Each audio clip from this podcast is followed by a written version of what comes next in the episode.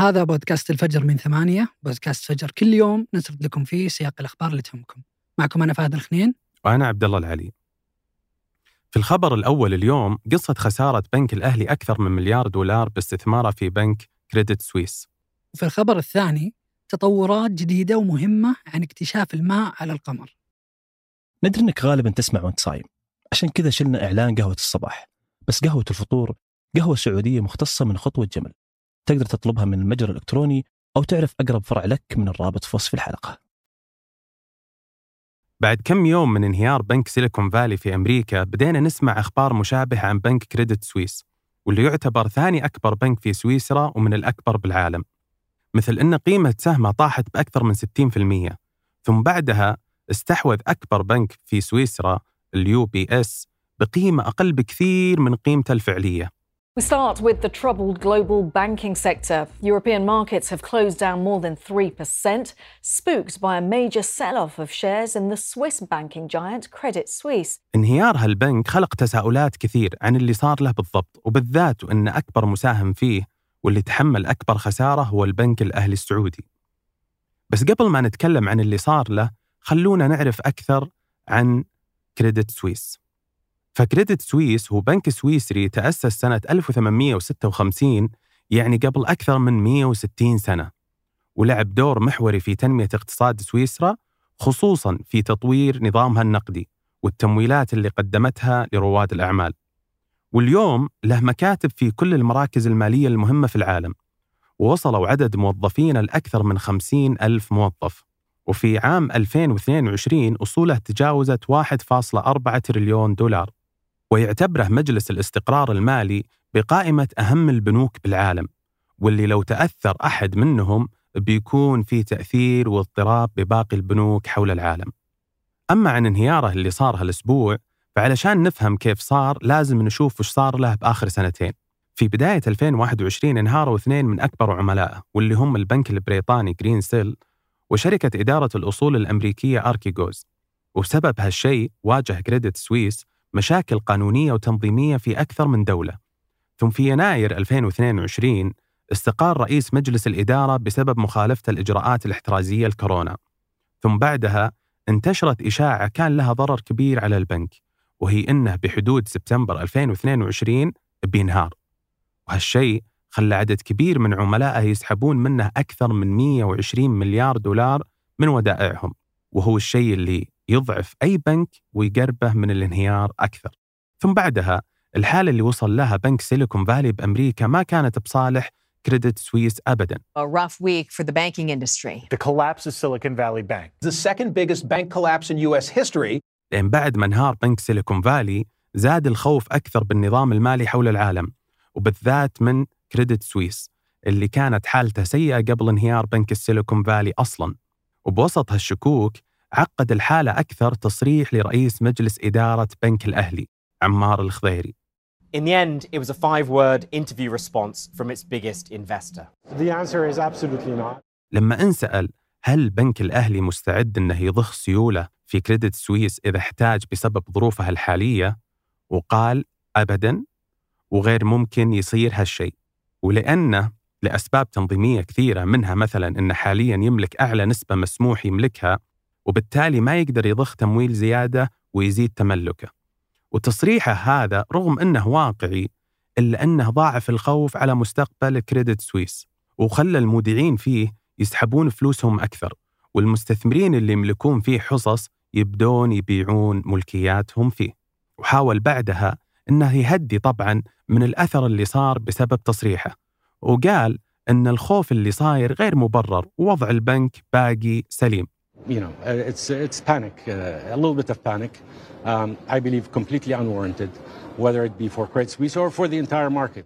لكن ما كان لها التطمين أي أثر وكمل سهم البنك ينزل وقبل ما ينهار البنك ويزيد الضرر على البنوك حول العالم وبالذات اللي بسويسرا من انهياره قرر أكبر بنك بسويسرا ال UBS يستحوذ عليه بالكامل لكن بس بثلاث مليارات دولار تقريبا واللي هي أقل ب 60% من قيمة البنك حتى بعد انهياراته الأخيرة وأقل ب 99% من قيمته بأعلى سعر له اللي وصل له ب 2007 وهالصفقة ما صارت إلا باهتمام ومتابعة الحكومة السويسرية اللي كان يهمها أن Credit Suisse ما ينهار وبأي طريقة وعشان كذا قدمت مساعدات وقروض بأكثر من 100 مليار دولار وكانت الوسيط في الصفقة بين UBS و Credit Suisse. الخاسرين بنك الأهلي وأكبر الملاك. وصحيح أن بالنهاية البنك منهار لكن خسارة ملاكه بعد بيعه بهالسعر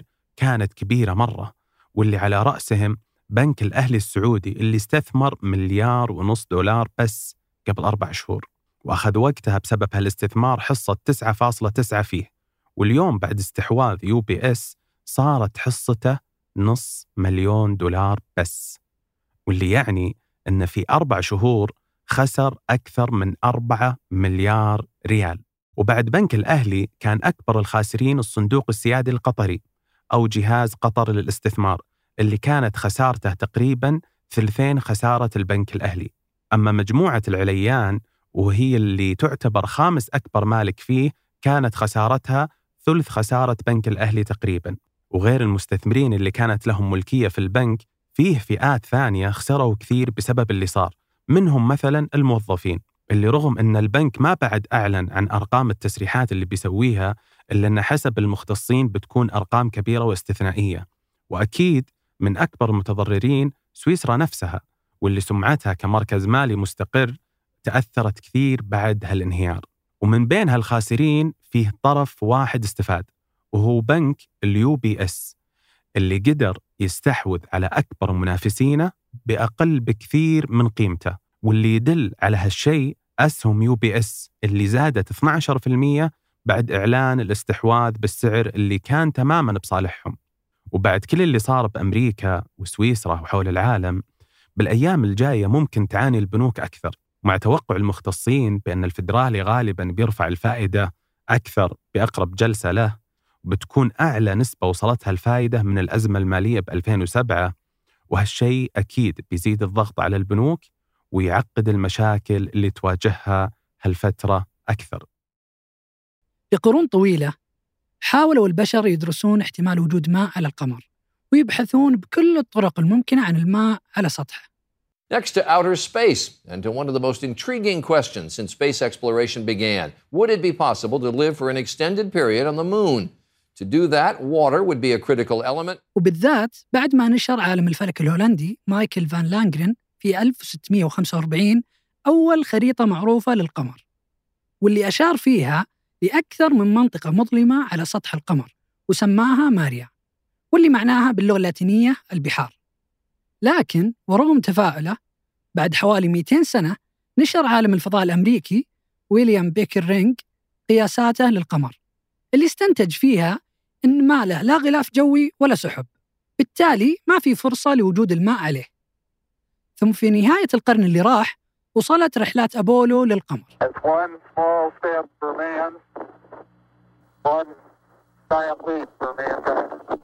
ورغم أن رحلات أبولو وصلت للقمر ست مرات ما قدرت بولا مرة منهم ترجع بعينات مياه من القمر.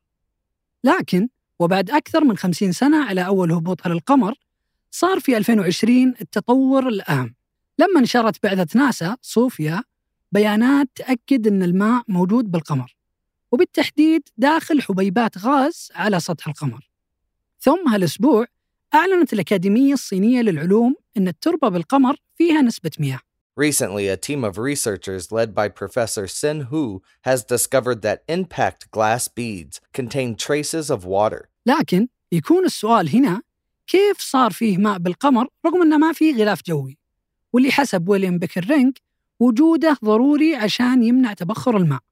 حسب الأكاديمية الصينية للعلوم الماء اللي لقوه صار نتيجة اصطدام نيازك بالقمر واللي مع ارتطامها تكون في كمية حرارة كافية إنها تحول مادة السيليكات واللي موجودة بكثرة على سطح القمر إلى حبيبات زجاجية تسوي وظيفة الغلاف الجوي بحفظ الماء.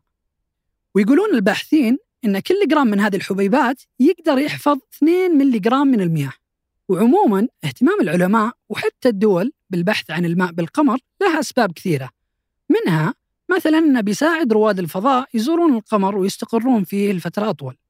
لأن وجود الماء أول شيء بيوفر مياه الشرب وبيساعد بالعمليات اللي توفر هواء للتنفس ووقود للصواريخ. وهالشيء يعني أن احتمال إنشاء دول لقواعد دائمة لهم على القمر صار أقرب مع توفر الماء فيه. وقبل ننهي الحلقة هذه أخبار على السريع. بعد شهرين من إعلان إيلون ماسك أنه بينشر أكواد تويتر الداخلية نشرت تويتر هالأسبوع جزء من أكوادها وخوارزمياتها اللي تحدد طريقة انتشار التغريدات واقتراحاتها. وبعد ما بحث المطورين فيها لقوا أن مثلا عدد الإعجابات للتغريدة لها أكبر وزن ب 30 نقطة في انتشار التغريدة. وبعدها إعادة التغريد لها 20 نقطة. وبعدها إضافة صورة أو فيديو أو رابط اللي بيكون لها نقطة واحدة فقط. ولو كانت التغريدة بالإنجليزي فيكون لها أكبر احتمال بالانتشار. أما لو كان عدد الحسابات اللي يتابعهم الحساب أكثر من اللي يتابعونه فيكون احتمال انتشار تغريداته أقل.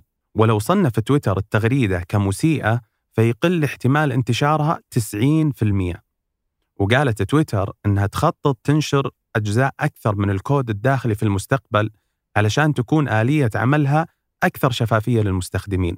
وفي إيطاليا أعلنت الحكومة أنها بتحجب ChatGPT مؤقتا. وقالت أن السبب هو أنه جالس يجمع بيانات المستخدمين بشكل غير قانوني وأنهم راح يعطون الشركة اللي سوته Open AI مهلة 20 يوم علشان يردون على هالاتهامات. وبعد القرار مباشرة قالت Open AI إنها بتلتزم فيه بتوقف الخدمة مؤقتا بإيطاليا وبتحاول تقلل من اعتمادها على البيانات الشخصية. وبنفس الوقت اللي حجبت فيه إيطاليا ChatGPT قالت الشرطة الأوروبية واللي هي جهة أمنية تابعة للاتحاد الأوروبي وتشرف على الأمن فيها أن ChatGPT ممكن يستخدم في أكثر من جريمة ومنها الاحتيال مثلا. لأن الخدمة تسمح بكتابة نصوص بشكل وأسلوب مقارب لطريقة أحد معين غير أنه ممكن يستخدم نشر الإشاعات والمؤامرات لأنه يقدر يولد أفكار وقصص ويكون شكلها مقنع لكنها غير صحيحة أبدا. وفي استراليا توفرت لحوم حيوانات منقرضة. لأن قدر علماء أحياء فيها أنهم يطورون لحم ماموث في المعمل. بعد ما حطوا شفرة الماموث الوراثية اللي لقوها في المناطق المتجمدة في خلايا خروف. ثم تركوها تنمو وتكبر لين صار وزنها 400 جرام. لكن يقول العلماء اللي طوروها إنها غير صالحة للأكل وإنهم بيعرضونها بمتحف علمي في هولندا. وفي دراسة سوتها جامعة هيوستن اختاروا عينة من 160 طفل في مرحلة ما قبل المراهقة ويقضون يوميا في حدود ساعتين ونص بالألعاب الإلكترونية. ثم درسوا سلوكهم وأدائهم الذهني واللي لقوه إن ما فيه أي ارتباط بين الألعاب الإلكترونية وانخفاض القدرات الذهنية للأطفال. وبنفس الوقت ما كان فيه أي أثر إيجابي أيضا. واللي يقولونه الباحثين في هالدراسة أن هذه النتيجة تكون بس إذا كانت ساعات اللعب معقولة. أما لو كان الطفل في مرحلة الإدمان فممكن يكون لها آثار سلبية بكل تأكيد. أنتج هذه الحلقة أسامة أحمد ورهف العصار. قدمتها أنا فهد الخنين. وأنا عبد الله العلي. وراجعها عمر العمران وحررها يوسف إبراهيم. نشوفكم بكرة الفجر.